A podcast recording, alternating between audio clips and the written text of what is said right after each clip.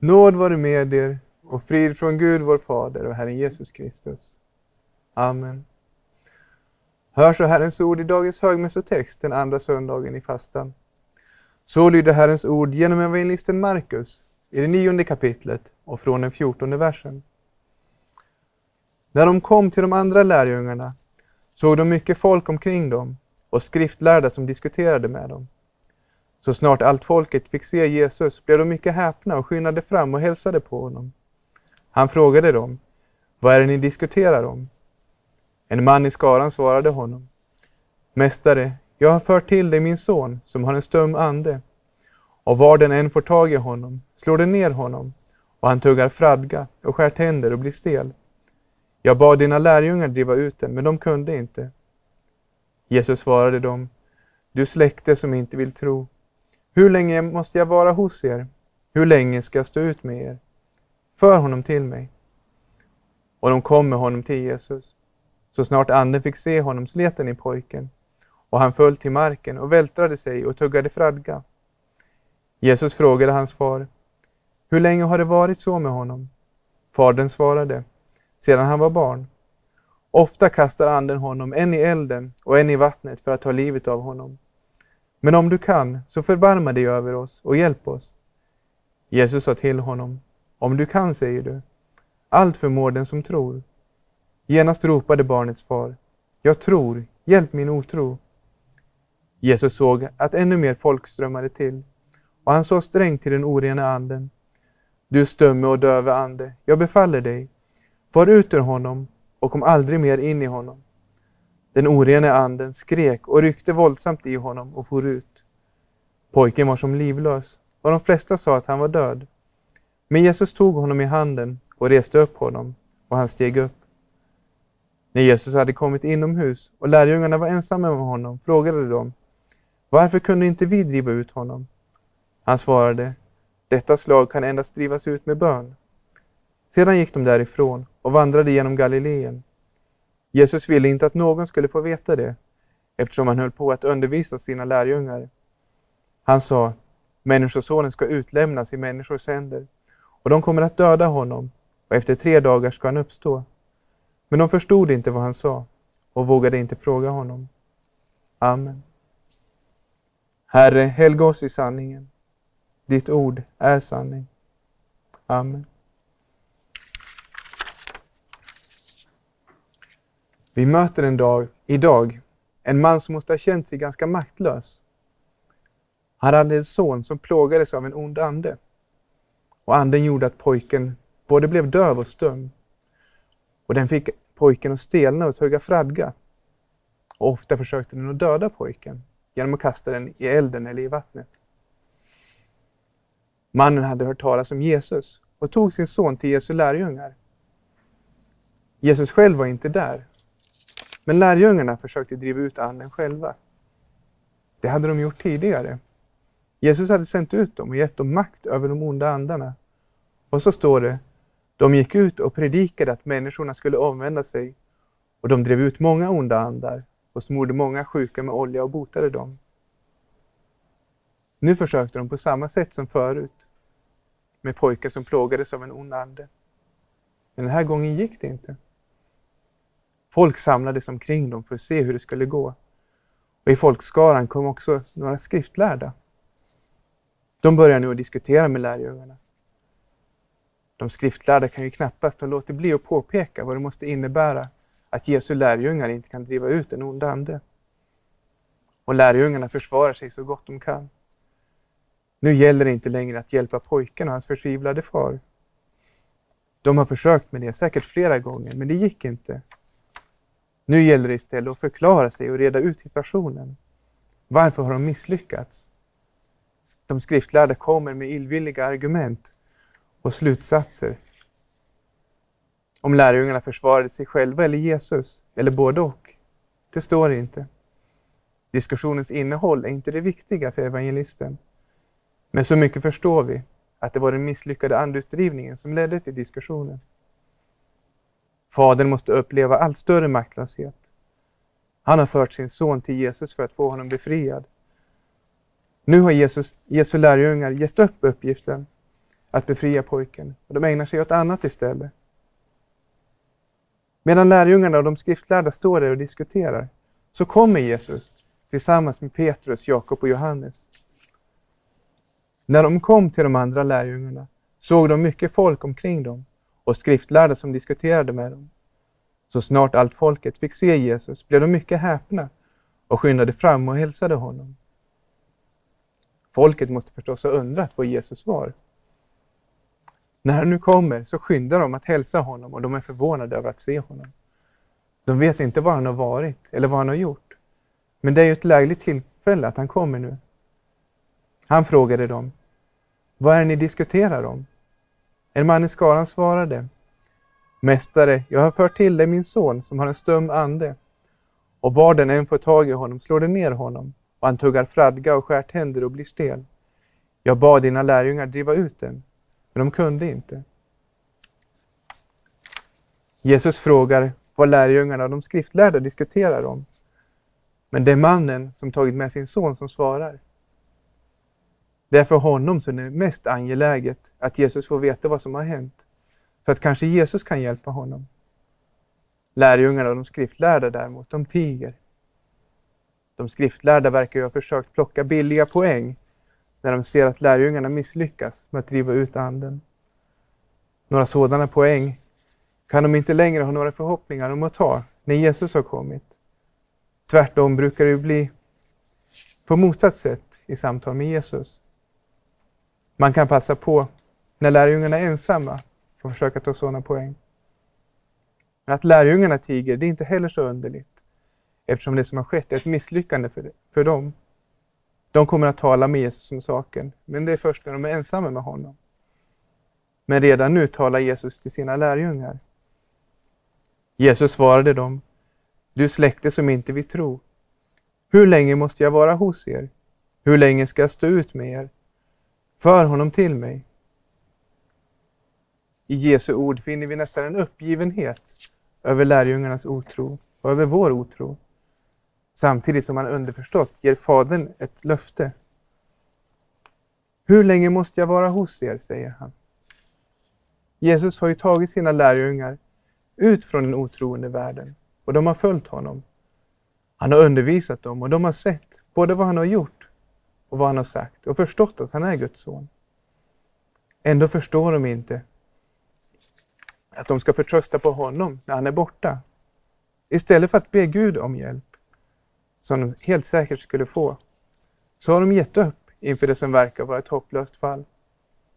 Och de har varit lika det otroende släkte som Jesus har skilt dem från. Är inte vi ofta likadana? Vi tänker som den otroende världen omkring oss och ser på vilka mänskliga möjligheter som finns och mäter dem mot hindren som vi ser. Och det är ju inget fel att göra en realistisk uppskattning av vad som kan behövas för resurser för att klara ett problem. Men när vi ser att vi inte har vad som krävs, då får vi minnas att också det vi har, har vi fått av Gud. Och det vi saknar, det kan Gud också ge. Ett Guds barn som ber till sin fader kan räkna med att Fadern hör. Mycket mäktig och verksam är en rättfärdig människas bön, skriver Jesu bror Jakob. Samtidigt som Jesus klandrar lärjungarnas otro, så ger han sonens fader ett underförstått löfte. För honom till mig. Nu kommer Jesus att göra någonting med honom. Och de kom med honom till Jesus. Så snart Anne fick se honom slet den i pojken och han föll till marken och vältrade sig och tuggade fradga. Vi kan förstå att lärjungarna uppfattade den här uppgiften som övermäktig, även om de hade försökt. När anden nu ser Jesus så vet den att tiden snart är inne. Men fortfarande är pojken i dess grepp. Jesus ska snart befria pojken. Men det är inte bara pojken som lidit i alla dessa år. Jesus frågade hans far, hur länge har det varit så med honom? Fadern svarade, sedan han var barn. Ofta kastar anden honom en i elden och en i vattnet för att ta livet av honom. Men om du kan, så förbarma dig över oss och hjälp oss. Ända sedan pojken var li liten har han plågats på detta sätt. Och det har förstås också varit li ett lidande för fadern som inte kunnat hjälpa sin son. Åren har gått utan någon hjälp. Nu till slut står han tillsammans med någon som kanske kan hjälpa. Men inte ens Jesu lärjungar kunde driva ut anden. Ska Jesus kunna hjälpa hans son? Jesus sa till honom, om du kan, säger du, allt förmår den som tror. Genast ropade barnets far, jag tror, hjälp min otro. Jesus flyttar här blicken från sig själv tillbaka till mannen. Vi brukar tala om att göra motsatsen, flytta blicken från oss själva till Jesus. Men när mannen tvivlar på att Jesus verkligen kan hjälpa, då behöver Jesus visa var bristen egentligen ligger. Han kommer då inte med bevis på sin makt, utan han uppmärksammar istället mannen på hans otro. Det är inte en fullständig otro, utan det är en tro blandad med tvivel. En människa som är helt otroende har inga problem med sin otro. Men ett Guds barn önskar att hon hade mer tro och att allt tvivel skulle vika.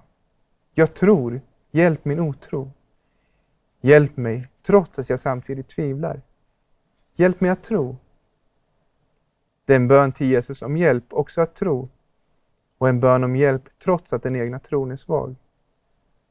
Så hänvisar mannen inte till något i sig själv som skulle vara värdigt, utan han bekänner att hans tro står sida vid sida med tvivel. Kan Jesus ändå hjälpa honom?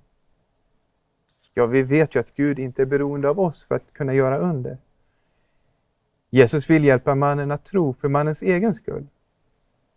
Hade det bara handlat om undret så kunde han redan ha befriat pojken. Men han vill också hjälpa fadern. Och nu har fadern påminns om hur svår situationen faktiskt är. Att hans son har plågats sedan han var liten och att det är svåra plågor. Och han har bekänt sin tro på Jesus, även om den håller på att vackla. Jesus får hjälpa också med detta. Jesus såg att ännu mer folk strömmade till och han sa strängt till den orena anden. Du stömme och döve ande, jag befaller dig, far ut ur honom och kom aldrig mer in i honom. Den orena anden skrek och ryckte våldsamt i honom och for ut. Vi kan läsa om hur orena andar ofta eller alltid ogärna lämnar sina offer när Jesus driver ut dem. Så är det också i detta fall. Men vid Jesu befallning så måste anden lyda. Han rycker och skriker, men han far ändå ut. Fadern har tagit sonen till Jesus. Och även om hans förtröstan är svag så har Jesus gjort undret som han så länge längtat efter. Sonen är nu fri från det som plågade honom. Också vi får ta det som plågar oss till Gud och tänka på att Gud är den som förmår göra långt mer än allt vi ber om eller tänker. Och det ska ju inte göra att vi ber mindre, att Gud förmår göra mer än vi ber om, utan istället att vi litar på att Gud hör oss och också har makt att hjälpa. Då kan vi be med tillförsikt. Pojken var som livlös och de flesta sa att han var död. Men Jesus tog honom i handen och reste upp honom och han steg upp. Jesus fullbordade det han har påbörjat. Pojken är fri men ligger kvar på marken utan livstecken. Lukas berättar att Jesus gav honom tillbaka till hans far. Och enligt Lukas var detta också enda barnet som fadern hade. Hans lättnad och tacksamhet måste ha varit desto större. Och säkert kändes det till en början lite overkligt att det hela var över. Men Jesus hade befallt anden kom aldrig mer in i honom. Så nu var denna plåga över. Nu började en ny tillvaro, både för sonen och hans far. När Jesus hade kommit inomhus och lärjungarna var ensamma med honom frågade de Varför kunde inte vi driva ut honom? Han svarade Detta slag kan endast drivas ut med bön. Tydligen har lärjungarna befallt anden att den ska lämna, men det har inte fungerat. Det kan tyckas lite underligt att Jesus säger att detta slag endast kan drivas ut med bön. Jesus hade ju själv inte bett att anden skulle lämna, utan han hade vänt sig direkt till anden och befallt den fara ut. Men egentligen är det inte underligt. Jesus är Gud och kan befalla alla att lyda. Men lärjungarna kan inte göra något i egen kraft, utan allt kommer från Gud. Därför måste de lita på Gud och vända sig till honom, istället för att lita på den egna förmågan. Om vi nu tänker på vad lärjungarna varit med om, så kan vi dra lärdom av deras erfarenhet. De nio hade lämnats kvar och så hade en man kommit och bett om att bota sin son som plågades av en ande. Lärjungarna hade inte förstått hur beroende de var av Jesus och hade därför inte bett Jesus eller Fadern om hjälp när de inte lyckades bli av med anden. I Matteus förklarar Jesus ytterligare när lärjungarna frågar varför de inte kunde driva ut anden. Därför att ni har så lite tro. Amen säger jag er. Om ni har tro bara som ett senapskorn ska ni säga till detta berg, flytta dig dit bort, och det kommer att flytta sig. Ingenting ska vara omöjligt för er. Vi får här tänka på vad Bibeln menar med tro. Jakob skriver i sitt brev. Ni kämpar och strider men har inget, därför att ni inte ber. Ni ber men får inget, därför att ni ber illa, för att slösa bort allt på njutningar. Vi ska be, och då ska vi be i enlighet med Guds vilja. Att be i strid mot Guds vilja är inte tro. Men att be om sånt som är gott och så lämna svaret i Guds hand, det är någonting som Gud hör. Vi är ju alltid beroende av Gud och inte bara av Guds makt, utan också av Guds förlåtelse. Efter denna händelse läser vi.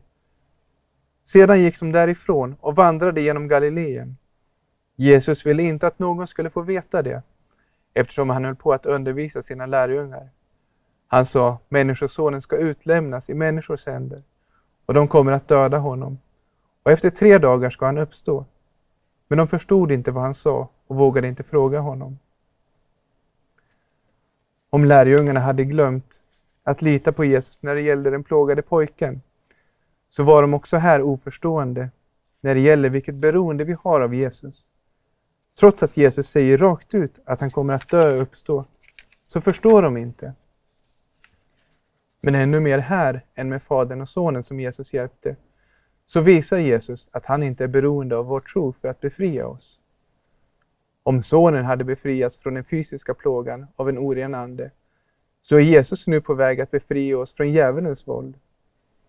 Om Sonen lidit av olika fysiska besvär på grund av Anden, så har vi varit andligt döda innan vi befriades i Kristus från djävulen och de onda makterna Väldena och makterna som Paulus kallar dem.